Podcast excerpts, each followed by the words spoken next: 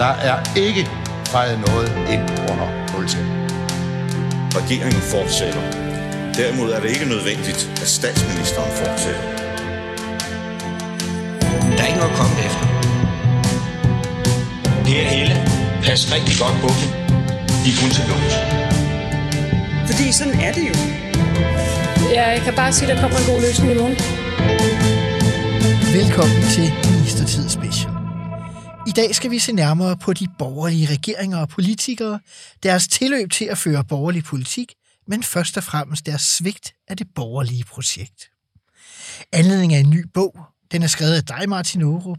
Velkommen til programmet. Mange tak. Du er nok mest kendt som øh, tidligere direktør for den borgerlige tænketank Cepos, og du er også forfatter til en række bøger om velfærdsstaten og, mm. og dens udfordringer øh, tidligere. Øh, du er nu aktuel med den her bog, der hedder Hvad vil det sige at være borgerlig? med undertitlen Et opgør med velfærdssocialismen. Den udkommer i morgen. Og øh, først og fremmest, hvorfor har du følt behov for at skrive den her bog? Ja. Øhm, den hedder faktisk, hvad det vil sige at være borgerlig. Øh, så jeg er, er øh, øh, hvad skal vi sige, mere påståelig end, end spørgende. Øhm, jeg synes, der er behov for, at nogen øhm, øh, udgiver en, en, en, en, en bog om, hvad det vil sige at være borgerlig i den her tid, øh, vi er i. Øhm, vi har en situation, hvor øh, det, der engang var det førende borgerlige øh, parti, øh, det Venstre. naturlige øh, statsministerparti Venstre er gået i regering med Socialdemokraterne. Øhm, vi har en tidligere borgerlig statsminister, som har startet et parti, der hævder hverken at være øh, rødt eller blåt. Øhm, og, og vi har generelt en, en diskussion og en, sådan en, en synes jeg, øhm, diffus øh, forvirring om, hvad borgerlighed egentlig er. Vi har haft for eksempel den her stor bededagsdiskussion, hvor nogen mente, det var enormt borgerligt, fordi øh, at øge arbejdsudbuddet er jo borgerligt, hvor jeg jo altid vil, vil sige nej. Altså, øh, folk må selv bestemme, hvor meget de vil arbejde, men, hvis, men staten skal ikke straffe flid. Og når staten holder op med at straffe flid, så øger det ganske rigtigt arbejdsudbuddet, og det kan jo være fint, fordi borgerne får en tilskyndelse øh, og en belønning for at arbejde ekstra. Men, men at afskaffe stor bededag øh, øger jo ikke tilskyndelsen til at arbejde. Og derfor vil det heller ikke have nogen effekt på lang sigt. Så der var sådan nogle mærkelige diskussioner, øh, hvor jeg tænkte, der er en hel masse mennesker, der er blevet forvirret, og som ikke forstår, hvad det egentlig vil sige at være borgerlig. Øh, og så er det også en bog, der er en... Øhm, øh, og jeg skal nok slutte super kort af, så du kan videre i teksten. Øh, så er der også en bog, der simpelthen er et, er et forsvar for borgerlig ideologi. Altså, at ideologi er et meget, meget vigtigt politisk værktøj. Og det er ikke, hvis man er ideolog, så er man ikke naiv og man er ikke dogmatisk, men man forstår, hvilken retning samfundet skal i, og det er fuldstændig nødvendigt netop i et, et øh, demokrati som det danske, hvor der er så meget med at øh, indgå kompromis og så videre, så er det altså ekstremt vigtigt, at man går ind til en forhandling med en klar idé om, hvad det er, man gerne vil have ud af den. Bogen er jo delt op i to halvdele. En øh, om borgerlig ideologi, som du siger her, og en om borgerlig politik. Programmet her har jo særlig fokus på ministerværet og magtudøvelsen, og derfor er det måske særligt den anden del om borgerlig politik, jeg gerne vil ind i. Det Men alligevel, ja. så kunne jeg godt tænke mig, at, øh, at du lige gav et par ord, fordi jeg tænkte, det ville sådan være velgørende for lytterne at forstå, hvordan ser du egentlig det der med at være borgerlig og den borgerlige ideologi, hvis du lige kunne sætte lidt flere ord på det først? Ja, ja ordet borgerlig er jo et meget... Øhm skandinavisk og angelsaksisk ord, øh, og det, find, det findes også lidt, lidt på tysk og i Schweiz og, og, og sådan nogle steder, men i stor del... Nordvesteuropæisk. ja, ja, det kan man sige. Øhm, øh, men jo især meget skandinavisk. Altså, vi taler om borgerlige partier i Skandinavien, og langt, langt de fleste partier bekender sig enten til at være borgerlige, eller til ikke at være borgerlige. Øh, med enkelte undtagelser i Sverige og sådan noget. Øhm, og så moderaterne i Danmark som noget nyt, ikke? Øhm, og det er jo et sjovt ord, fordi øh, det dækker jo over en øh, kombination af de to borgerlige ideologier, konservatisme og liberalisme. Og det er jo også en ting, der har været til diskussion de senere år, hvor en masse, som man kunne kalde nationalkonservative, angriber liberalismen, jeg synes ikke, der er så mange liberale, der angriber konservatismen som sådan, men der er en tendens til, at nogle konservative siger, at, at, at være liberal, det er at være det samme som at være libertiner, eller gå ind for masseindvandring, eller halal hippie osv. Altså, kun være optaget af penge. Kun være optaget af penge, og, og, og, og alle sådan nogle ting der.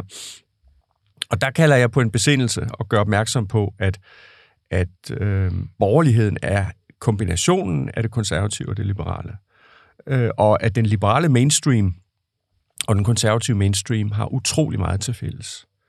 Øh, og at også politisk er det fuldstændig afgørende for at kunne gå op imod det, som jeg kalder velfærdssocialismen, øh, at øh, konservative og liberale finder sammen i deres fælles borgerlighed. Fordi det personlige ansvar i virkeligheden øh, er noget, der knytter sammen i modsætning til socialismen, hvor staten går ind og tager øh, ansvaret. Ja.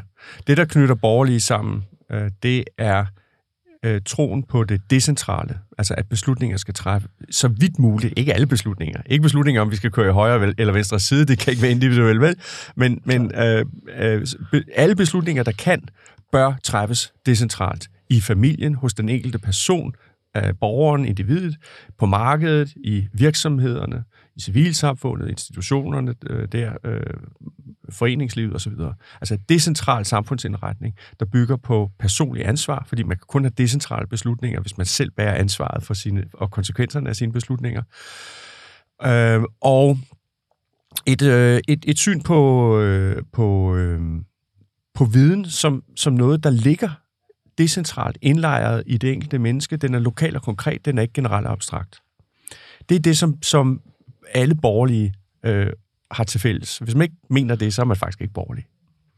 Så fik vi slået det fast. Ja. Hvis vi så går over til det med politikken, så øh, hvis man læser øh, anden del af din bog, øh, som jeg har været så heldig at få lov til at, at læse, før den udkommer i morgen, øh, der, hvad hedder det nu, øh, er det som om, at du taler meget sådan om Erik Eriksen til at begynde med, som var statsminister fra 1950 til 53, venstre øh, mand. Ja.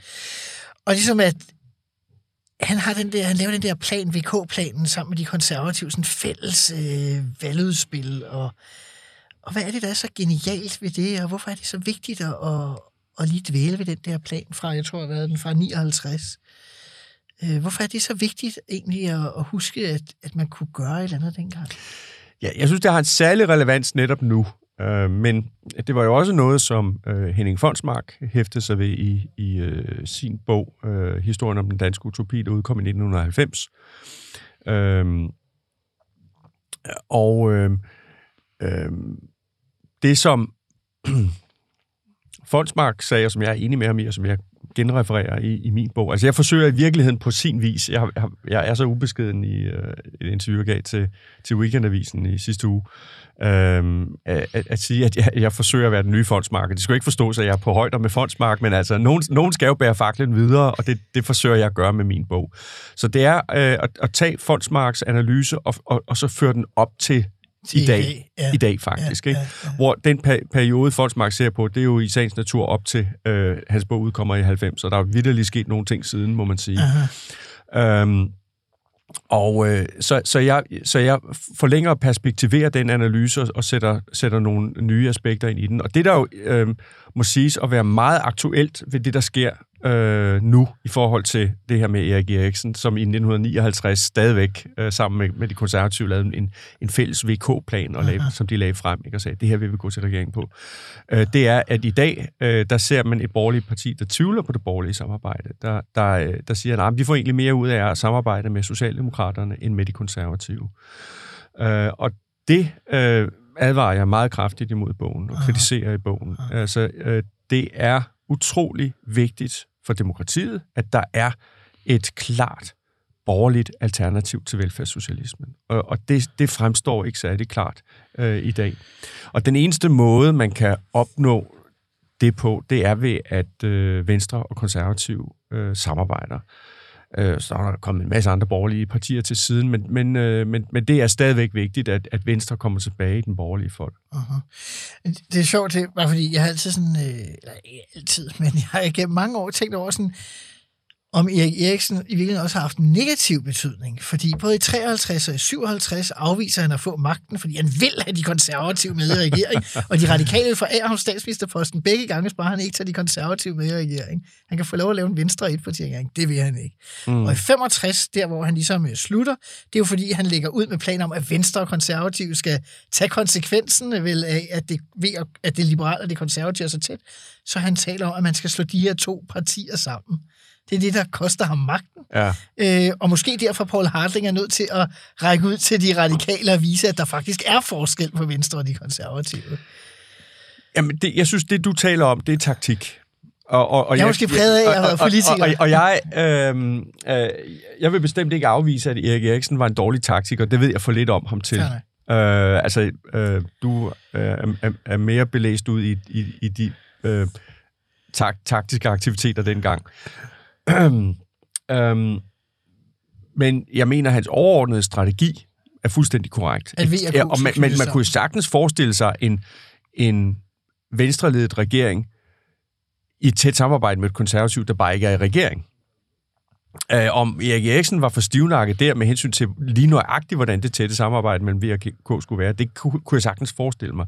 Men jeg mener, at den overordnede analyse er korrekt, at, øh, at altså, partier, der står for en liberal, og partier, der står for en konservativ øh, ideologi, må finde sammen i en fælles modstand imod opbygningen af denne her velfærdssocialistiske stat, som fandt sted på det her tidspunkt. Og vi skal huske, at øhm, da Erik Eriksens strategi øh, bryder sammen, og vi får øh, Hartling og øh, VKR-regeringen Jeg får 68 til 71 for- med Hilmar Bavnsgaard med, øh, med, med den radikale Hilmar, Hilmar Bavnsgaard i spidsen, der ser vi jo en... Øh, altså, VKR kommer nok til, det ved jeg ikke, om du er enig med mig i, blandt andet fordi, at, at, øh, at Krav lidt overspiller sine kort øh, ved at, og med det røde kabinet og så videre. Det gør vælgerne lidt mange. Det siger, ah, okay, øh, ligefrem et rødt kabinet det, med SF og, og så videre.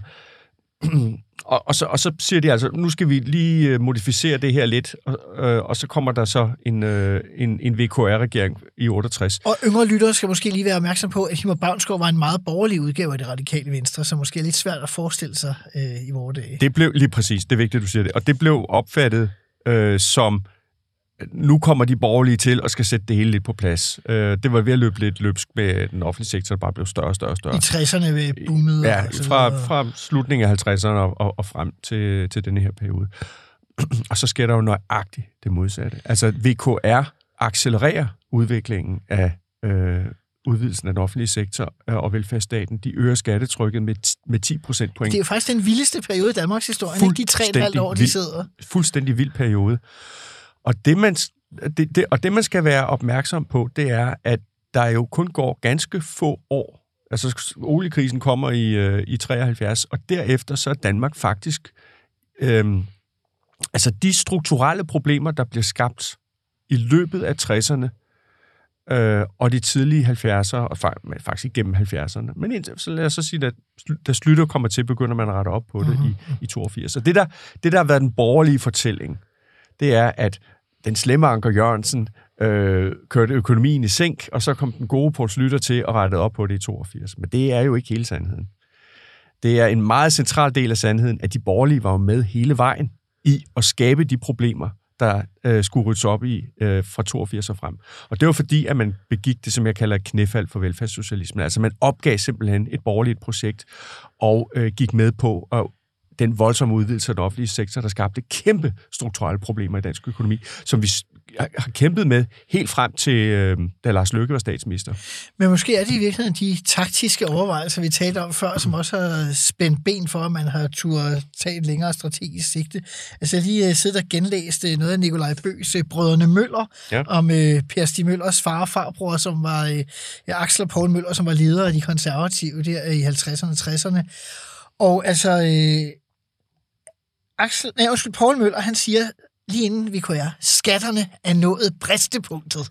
og det er jo ikke fantastisk at tænke sig nu, det er ham, der opfinder sloganet, pengene ligger bedst i borgernes lommer. Ja. Så bliver han finansminister i den her regering, ja. øh, hvor det går fuldstændig amok. Det er faktisk lidt øh, svært, at Nikolaj Bøge karakteriserer det her som syndefaldet VKR-regeringen. Det synes jeg egentlig er en meget øh, Ja. øh, smuk øh, formulering. Ja. Men det er stadig svært for mig, og jeg ved ikke, om, om du ved sådan, hvad der egentlig gør det? Fordi det er som, hvis du læser op gennem 60'erne, så er både Venstre og Konservativ siger utrolig mange sådan, øh, fornuftige ting, måske især i første halvdel af 60'erne. Og så, så, så går det bare sindssygt stærkt, og så kommer det her søndefald, udgifterne eksploderer. Og så, så, sådan, så har man ligesom bare overgivet sig. Men ja. hvorfor man overgiver sig, øh, det ved jeg ikke, om du ved noget om. Men altså, Nej, men altså et helt dybere hvorfor, det kan jeg heller ikke give. Og der skal vi jo nok ind i øh, personspørgsmål og psykologi og, og sådan nogle ting også.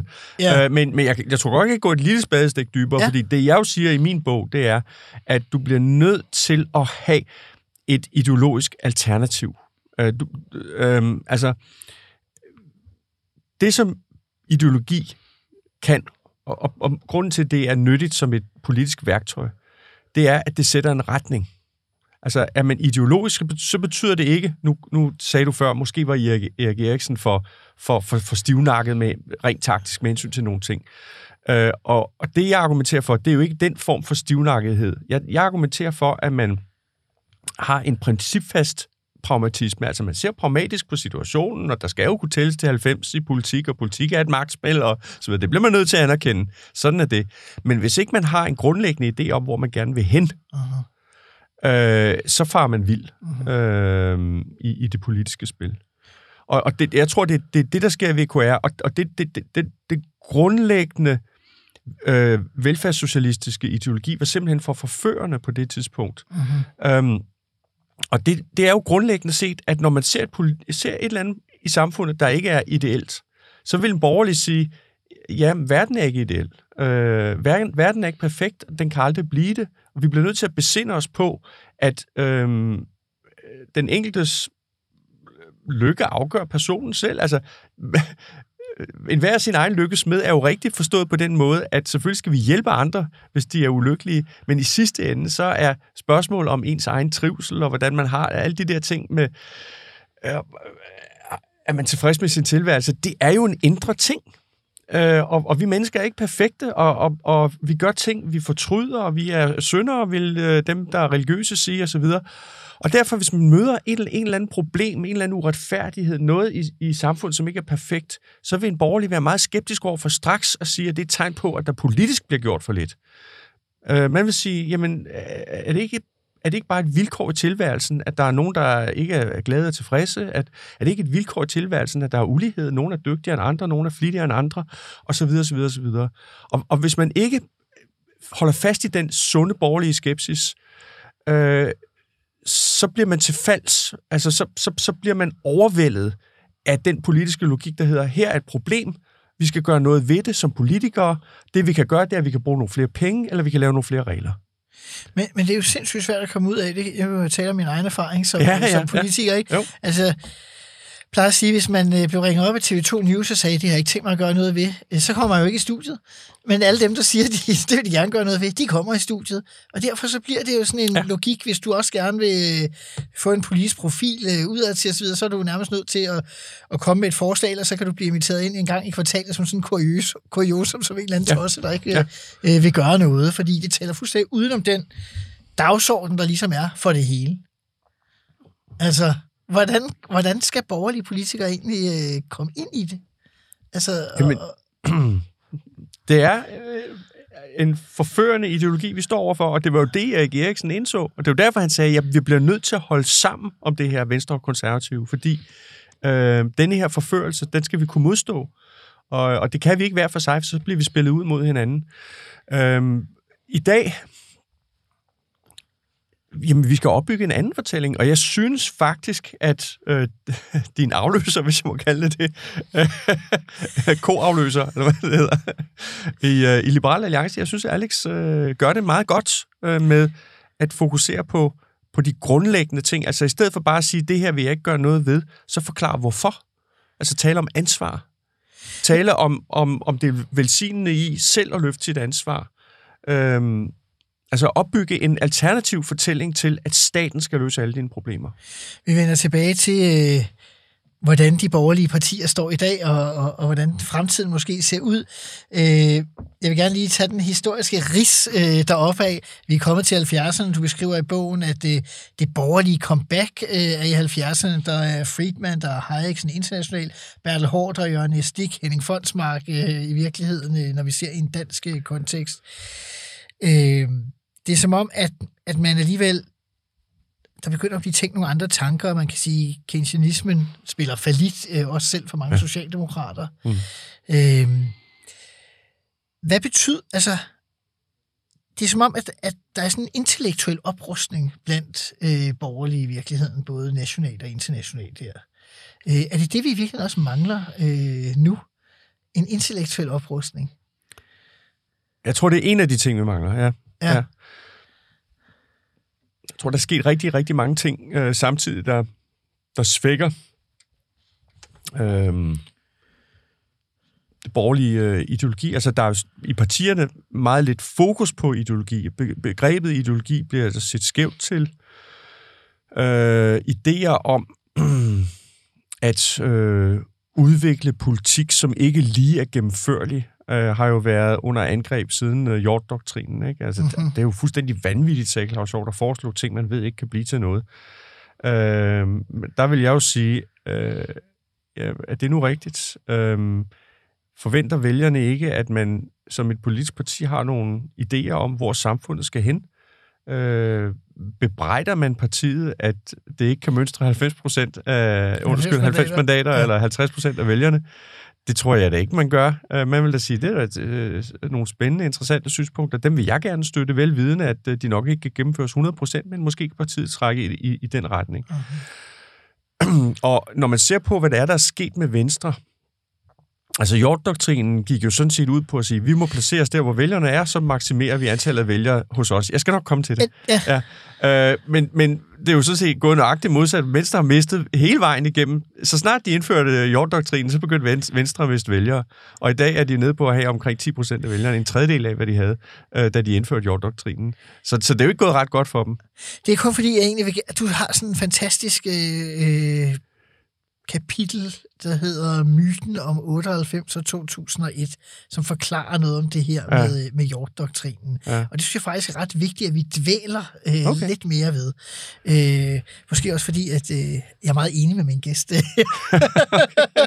øh, forstår på den måde, bare lige hurtigt, der er slutter, der kommer genopretning. Du siger, at de har selv været skyld i øh, noget af ulykkerne op til 82. Ja. Du beskriver også, at Slytter er sådan et to ben, altså vi øh, har måske en tendens til meget at tale om hans genopretning del, men han fortsætter jo også den negative udvikling i forhold til velfærdsstatens størrelse og så videre øh, i de der 10,5 år. Ikke? Den bliver større, der bliver flere offentlige ansatte og så videre. Ja, ja, det er Slytter, der gør øh, SU'en til... Øh, altså, den var vist indtægtsafhængig helt frem til 80'erne, og så beslutter man sig for, nej, nej, nej, SU, det er da noget, alle skal have. Ikke? Øh, Og, og så, der sker en hel masse ting, der, øh, der cementerer den universelle velfærdsstat. Altså, vi alle sammen er så svage, at vi har brug for staten. Så han er i virkeligheden, i, i stedet for en genopretter og kun en reformator, så er han i virkeligheden også en bevarer ref, af i virkeligheden sådan en reparatør af velfærdsstaten, sådan, så den kan fortsætte. Ja. Det er det, der er pointen. I meget høj grad, ja. Og det arbejde fortsætter Nyrup Rasmussen så som socialdemokratisk statsminister mm. for 93.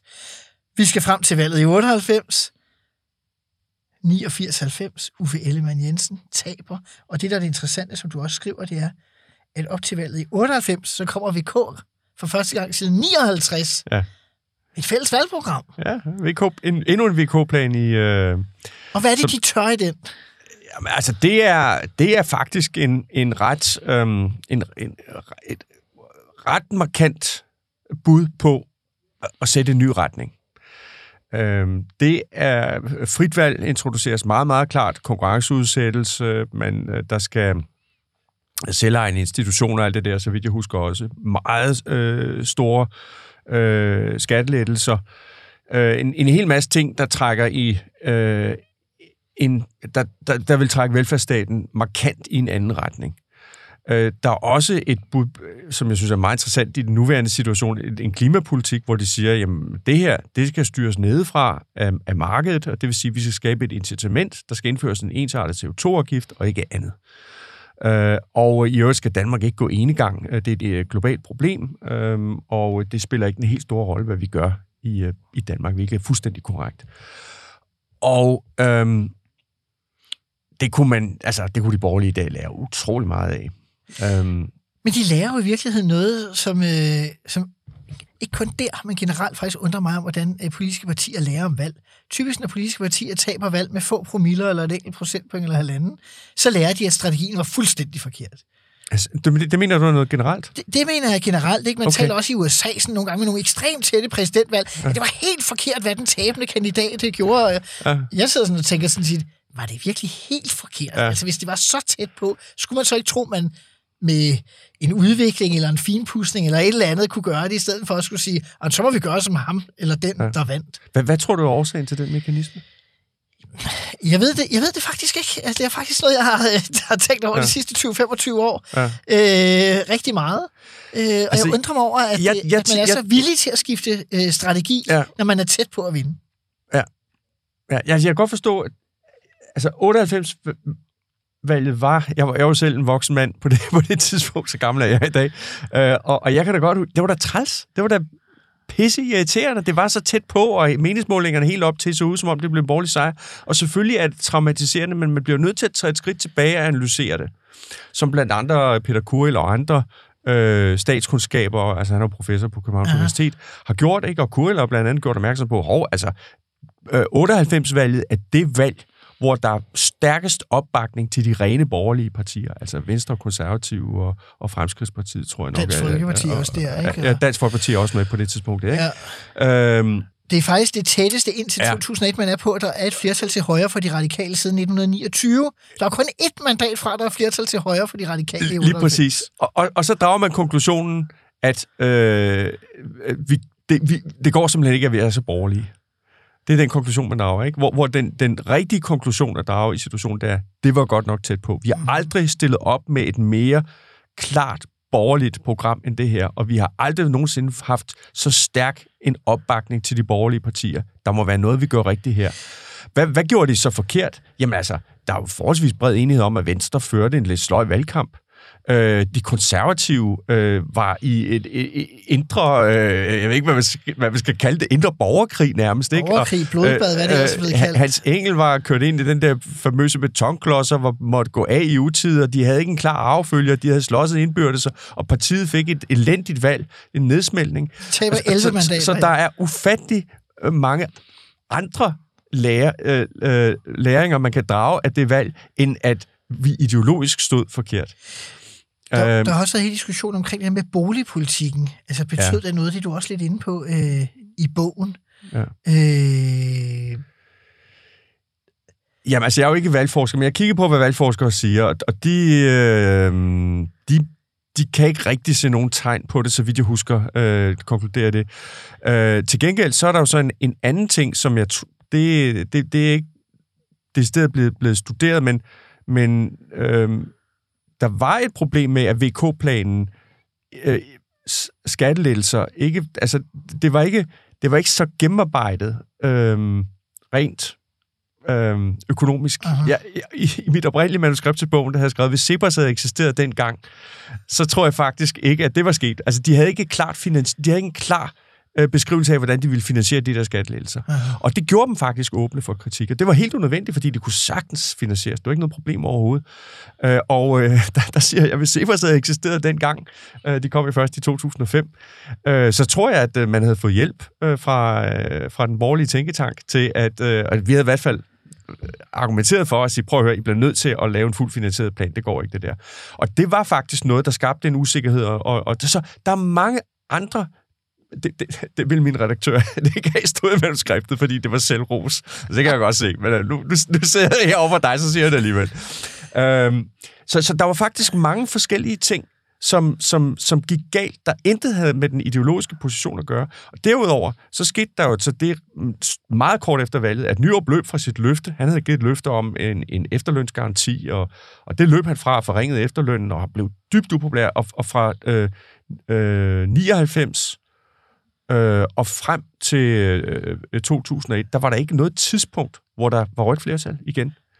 ej, det, Øh, var, det var hårde tider for Øhm, regeringen i altså, forhold til det, at blive det, det var ja. en ret sikker sag, at hvis de borgerlige havde holdt fast i deres VK-plan, øhm, og deres overordnede strategi, måske justeret en lille smule på boligområdet, som de, som de havde lidt svært ved at forklare, Mås- måske sørget for, at skatteplanen stod lidt skarpere og, og fuldt finansieret osv., så havde de vundet på en meget, meget markant og klar borgerlig dagsorden i 2001. Men det, der sker, det er, at uh, Uffe Ellemann Jensen, uh, som har været formand for Venstre i 14 år på det tidspunkt, og uh, genrejst partiet på mange måder, Ja. han vælger at gå af som formand, Ja og øh, bliver afløst af Anders Fogh Rasmussen, som på det her tidspunkt jo er kendt som en meget ideologisk skarp politiker. Han har udgivet sin øh, bog fra socialstat til minimalstat. Han var indpisker for Venstre i Slytterregeringen som økonomi- og skatteminister. Og så sker der øh, det, som måske kunne, øh, kunne overraske den, der havde fuldt manuskriptet tæt ind til der, at, øh, at han sammen med Claus Hjort og andre øh, ikke vælger at skærpe eller fastholde Venstres profil, men at vende den 180 grader til det, som du også har omtalt som Hjort-doktrinen. Ja. Øhm, du skriver faktisk i bogen, at Claus Hjort var imod. Det synes jeg er så meget fascinerende. Ja, det har jeg jo fra Søren Pind. Det skriver Ja, Søren ja, Pind i ja, sin bog, ja, at, ja. øh, at han møder øh, Claus Hjort, øh, der er rasende over en eller anden har givet Anders øh, Philip Golds bog om, om New Labour. Øhm, og, øh, og, og, og sat øh, skøre det i hovedet på ham og siger, det, det kører fint, og der er jo ingen grund til, at vi øh, laver de her forandringer. Det påstår Søren Pind. Jeg ved, du, det kan være, du skulle have Claus i studiet og høre om... om Jeg har haft Claus i studiet til flere udsendelser, okay. Okay. men det kan være, at jeg også skal tage øh, en om det her.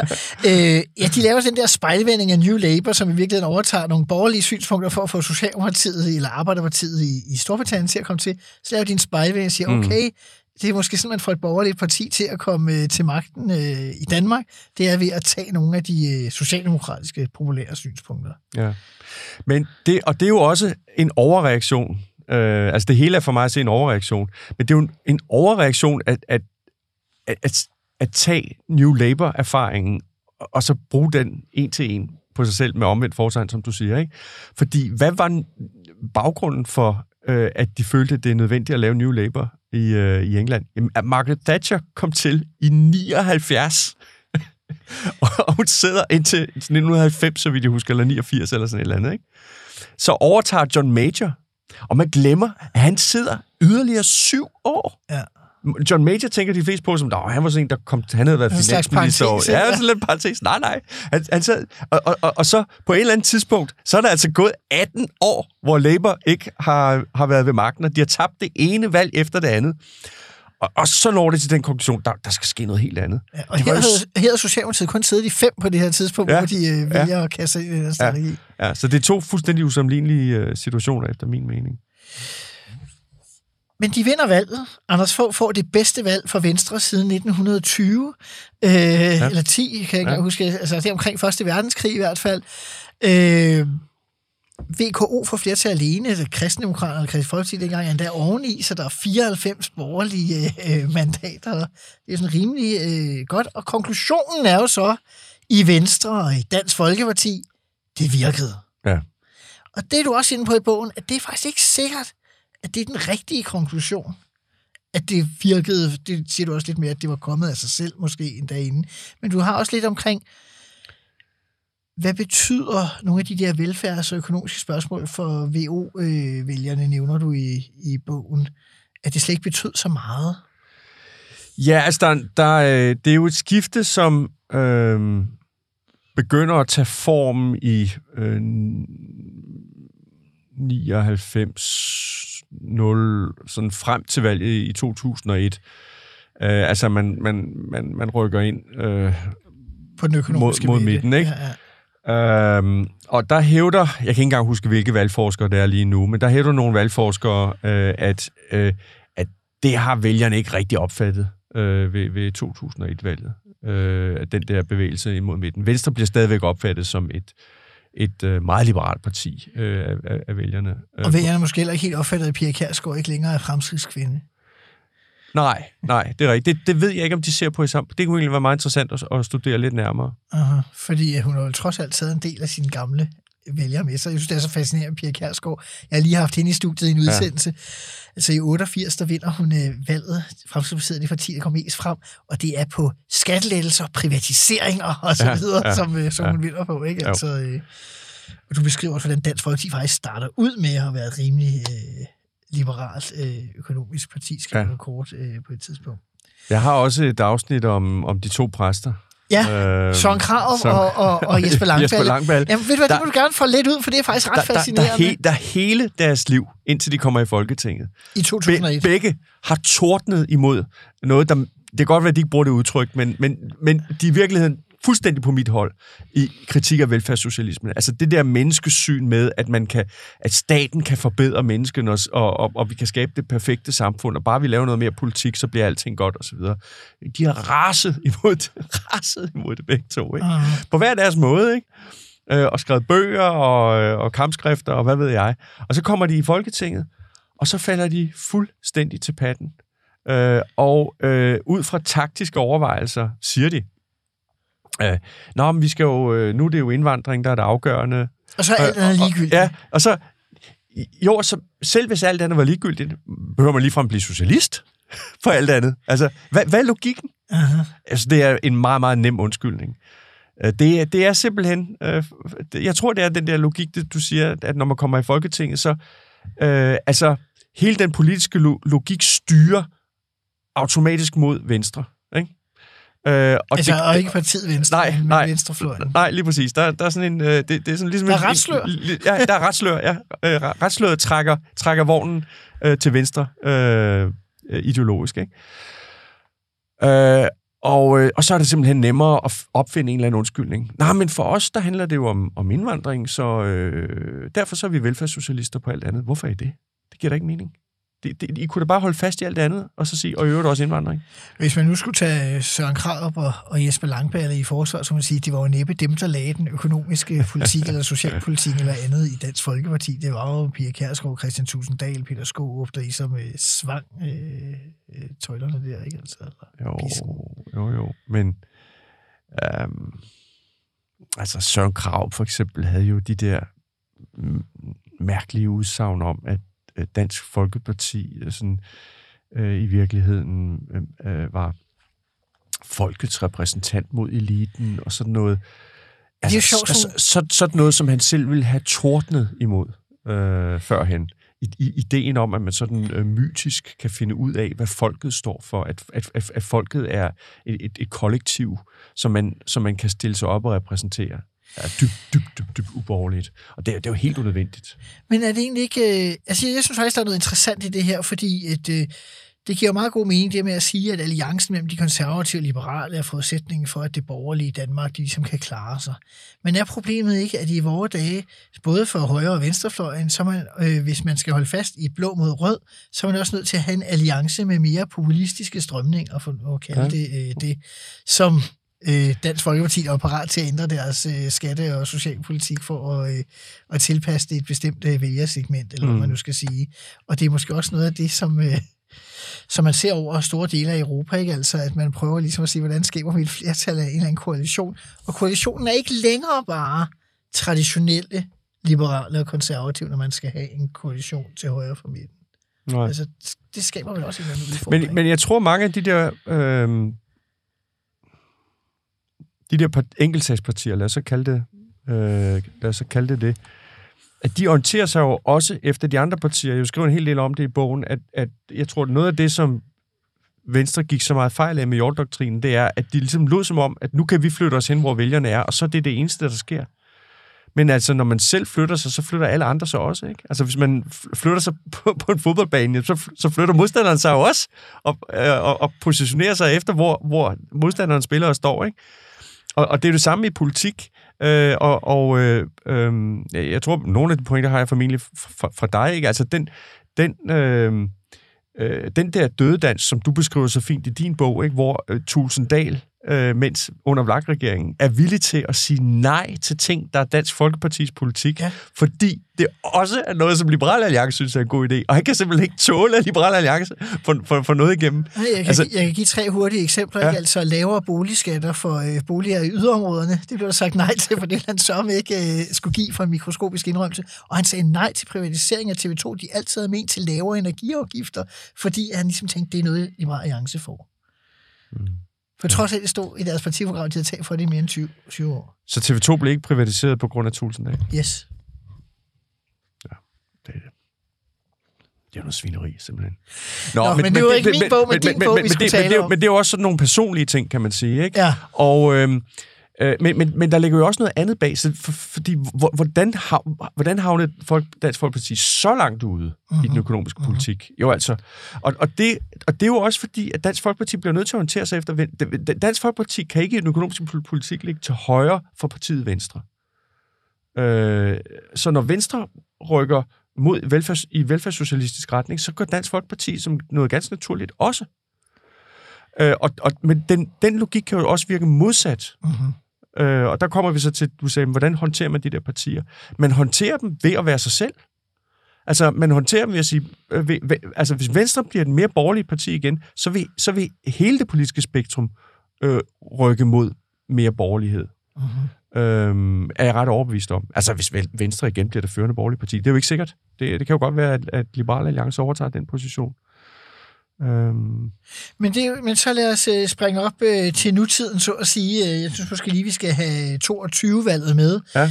Øh, jo et meget specielt valg, som nærmest giver sådan lidt mindelse om øh, jordskredsvalget i 73. To helt nye partier kommer ind og så videre. Det ene kommer der i regeringen. Det er jo sådan helt øh, historisk vildt, at et helt nyt parti pludselig sidder med fem ministre. Men det er jo også historisk, at Venstres formand, daværende formand Jacob Ellemann Jensen, meget eksplicit går til valg på, at han ikke vil gøre Mette Frederiksen til statsminister.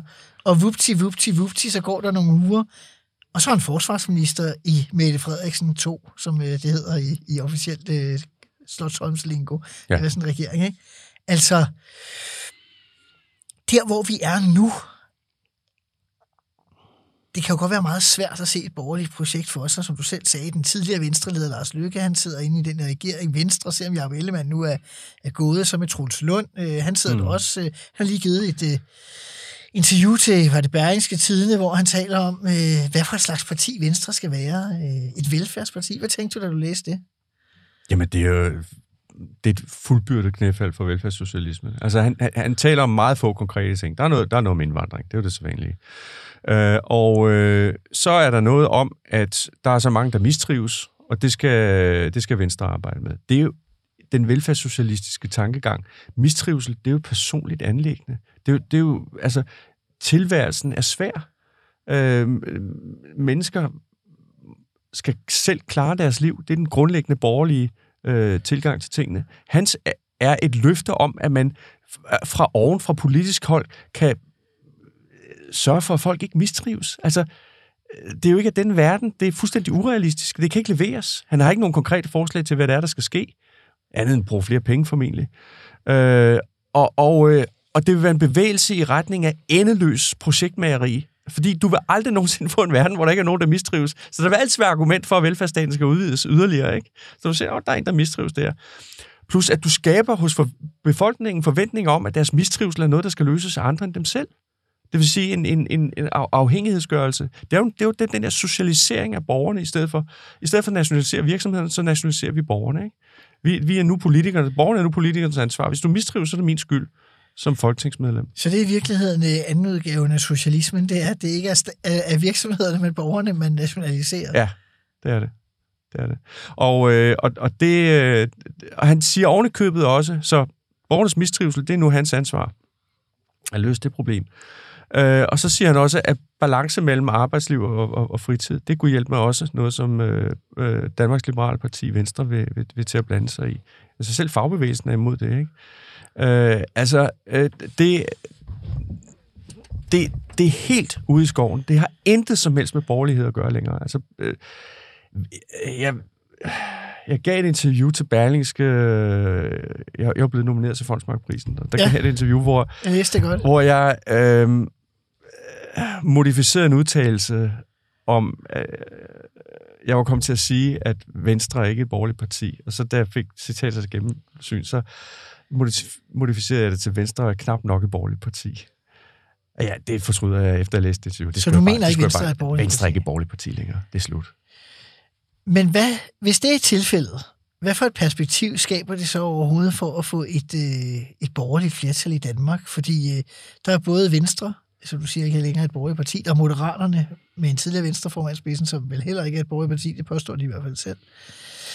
Øh, hvis man ser sådan på meningsmålingerne, så er det jo nærmest øh, venstrefløjen, der vinder på, at regeringen går tilbage. Det er jo ikke øh, de borgerlige. Jeg tror, i, i en meningsmåling her i, i, den, i den her uge, tror jeg, det var det to eller tre procentpoint, øh, de, de borgerlige partier samler op af 9 procent eller sådan noget, som, øh, som regeringen går tilbage. Så, så perspektivet for at få en blå regering, det ligger vel i ruiner. Nej, det mener jeg ikke, det gør. Altså, Venstre kan jo blive borgerlig parti igen. Det kræver nok, at de får en anden formand, men øh, det, det kunne baglandet jo sørge for, at de fik. Øh, og øh, altså, øh, jeg, jeg tænker jo langsigtet her. Øh, ting kan bevæge sig meget, meget hurtigt i politik, og Øh, selv efter næste valg vil jeg ikke afvise, at der er et, øh, et flertal, der peger den anden vej. Øh, måske inklusiv Lars Løkke. Og, øh, Men så... kan man forestille sig sådan et flertal, uden at øh, Lars Løkke Rasmussen skal være statsminister en tredje gang? Nej, det tror jeg ikke.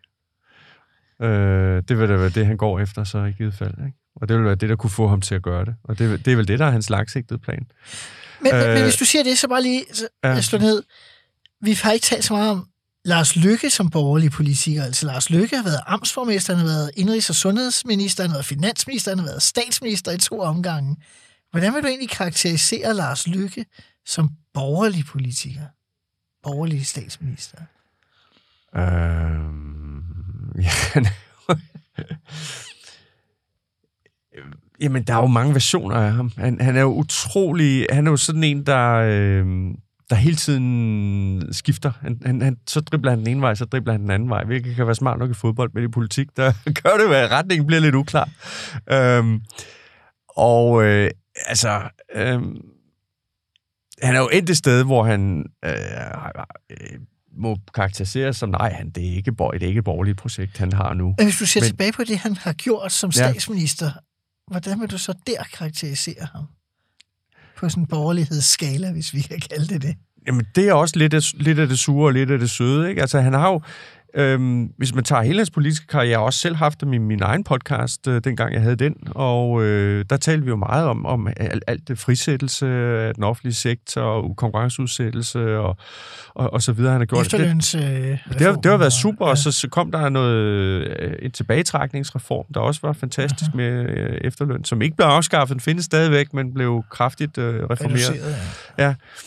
Og, øhm, og også, også flere andre ting, men altså Lykke er også statsministeren, der, øh, der øh, ophævede tidligere vedtagende skattelettelser i forbindelse med med genopretningerne. Øh, Genopretningspakken ja, efter øh, ja, finanskrisen ja, og gældskrisen. Ja, lige præcis. Og, så, ja. øh, og dermed øh, brød skattestoppet på meget kraftigt. Øhm, altså, hvorfor siger jeg meget kraftigt? Den bryder man det, eller så gør man ikke. Men du ved, hvordan det er. Ikke? Der, er, der er sådan nogle brud, hvor der er sådan lidt, nå, ja, okay. Ikke? En gang med øh, vred man hjørnerne for at ja, påstå, at man stadig overholder det, er sket mange, ja. det, det er sket nogle gange, men det har alligevel haft en, en vigtig funktion øh, i at disciplinere, at man ikke bare hver gang man fandt på, at nu vil man bruge nogle penge på et eller andet, så opfandt man en, en, en, en skat på møtrikker, eller sådan et eller andet, briller, eller hvad man nu kan finde Klassisk, på. Ikke? Ja. Øhm, og det kunne man ikke med skattestoppet. Øh, så altså, Lars Løkke har gjort alle sådan nogle ting, og så hans, altså, øh, hans helt store, øh, det er jo, da øh, der er valgkamp i 2019. Og han øh, dels udgiver den her bog, øh, og... Befrielsens øjeblik. Befrielsens øjeblik, og det, det jeg mener, han følte sig befriet fra, det var borgerligheden. Øh, og så var undskyldningen, at han ikke kunne klare yderfløjene. Øh, altså, hvor han siger, at nu vil han danne regering med Mette Frederiksen, fordi han kan se, at hun er ved at vinde valget. Ikke? Øh, det er jo dybt set det, det handler om. At han vil gerne forblive i regering, og den eneste måde, han kan forblive i regering på, det er ved at gå sammen med fjenden. Øh, men det, man jo glemmer, det er, at han jo samtidig sagde, øh, helt uden at have opbakning fra sit eget parti, at nu skulle hele det økonomiske råderum, der fortsat var, og som I, I Vlak ikke formåede at bruge på at lette skatten. He, hele, det måtte vi jo ikke.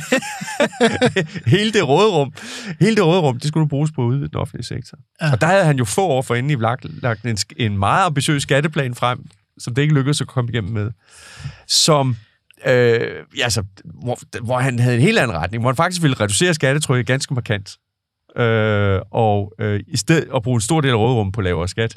Og lige pludselig, så vil han bruge hele råderummet på øh, at øge det offentlige forbrug. Altså det viser for mig, at det er en mand uden, uden, uden retning, uden principper. Øh, det, det ene øjeblik kan det være det ene, det næste øjeblik kan det være det andet. Men er problemet ikke, at der altid vil være nogen, der vil konkludere, som Lars Lykke i det borgerlige Danmark, at Erik Eriksen kunne jo ikke komme igennem med sin VK-plan, for Ellemann blev ikke øh, statsminister med sin VK-plan, Vlak-regeringen kunne ikke komme igennem med sin skattepolitik. Så 59, 98, 2017, øh, konklusionen er, at hvis man bliver for borgerlig, så kan man faktisk ikke øh, have magten i det her land.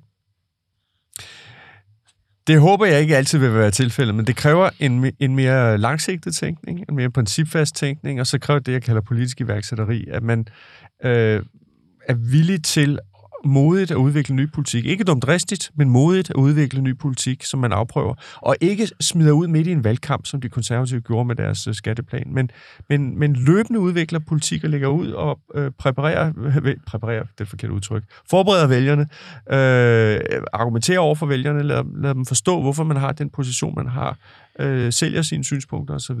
Og, og også finder ud af, hvad der virker og hvad der ikke virker, øh, modificere og ændre. Ligesom iværksættere også gør, at de lægger et produkt ud, og så vil, vil kunderne ikke rigtig købe det, og så ændrer man det. Lige pludselig så har man det rigtige. Jeg vil gerne øh, her til sidst bare lige vende tilbage til, du sagde på et tidspunkt det her med, at øh, Liberal Alliances formand Alex Vanopslagh, han begyndte at tale altså, om tingene på en anden måde, og ligesom i tale sætte borgerligheden, så at sige. Mm. Øh, hvad er det, du tænker, der virker ved den øh, metode? Det er jo ikke noget helt nyt. Øh, selvom vi har skældt ud på Slytter, så havde han jo lidt af det samme med, med øh, det skal være nemmere at være dansker, ikke? Og, og, og, og sådan nogle ting. Mm-hmm. Øh, øh, Fogh har også nogle gange gjort det med at forklare frit valg og skattestop og øh, eksperttyranni og sådan nogle ting. Øh, men det er jo vigtigt, at politik begrundes fundamentalt og principielt. Altså, at man ikke bare siger, at vi skal øh, øh, øh lette skatten, øh, fordi det øger arbejdsudbuddet. Øh, men at man forklarer, at et samfund kan kun bygge i sidste ende på personlig frihed og personlig ansvar. Og at det vil sige, at man er bedre tjent med en situation, hvor borgerne bruger deres egen penge, end at borgerne afleverer pengene til nogle andre, der så bruger dem på borgernes vegne. Øhm, og i det hele taget, he, hele det borgerlige projekt med, med decentral, decentralisering af samfundet, at det ikke er politikerne, der skal træffe beslutninger, men borgerne selv. Martin Aarup, øh, jeg er helt med at tænke, at øh, når jeg har mit ugenlige debatprogram, så ofte spørger jeg de politikere, der er inde, øh, om de tror, øh, SVM-regeringen vil overleve næste valg. Det vil jeg ikke øh, spørge dig om. Jeg vil derimod spørge dig om, øh, hvis vi nu mødes om 15-20 år, tror du så, at øh, din analyse af, hvor det borgerlige Danmark står, vil være i forlængelse, at vi bare kan forlænge brædderne, ligesom du i virkeligheden har gjort for Henning Fondsmark øh, øh, for, i forhold til for over 30 år siden? Eller tror du faktisk, der er mulighed for, at vi, vi nærmer os øh, en borgerlig renaissance, eller hvad vi skal kalde det? Jeg tror, der er en mulighed for, at, at noget af det vil ligne øh, en, en, en del af, af perioden, men, men på en god måde. Altså, man kan jo godt se det på den måde, at VKR-regeringen var et lavpunkt. Altså, det var en katastrofe for det borgerlige. Og så kom der en gradvis genopbygning af det borgerlige frem til 98-valget, hvor det så var tæt på, men glippede. Og jeg kunne godt forestille mig, at den nuværende situation var lidt et lignende lavpunkt, der vil føre frem til en, en, en en borgerlig genoprustning frem til et, et eller andet øjeblik. Og så vil det være spændende, om man i det øjeblik får lært af de historiske fejl, og holder fast og holder ved, øh, eller om det går galt. Martin Aarup, du skal have tak, fordi du vil være med her i Ministertid Special. Øh, din bog, øh, Hvad det vil sige at være borgerlig, et opgør med velfærdssocialismen, udkommer i morgen, og så kan folk jo øh, selv øh, dybe, eller dykke dybere ned i analysen og, og læse sig klogere. Tak for i dag, og på genhør.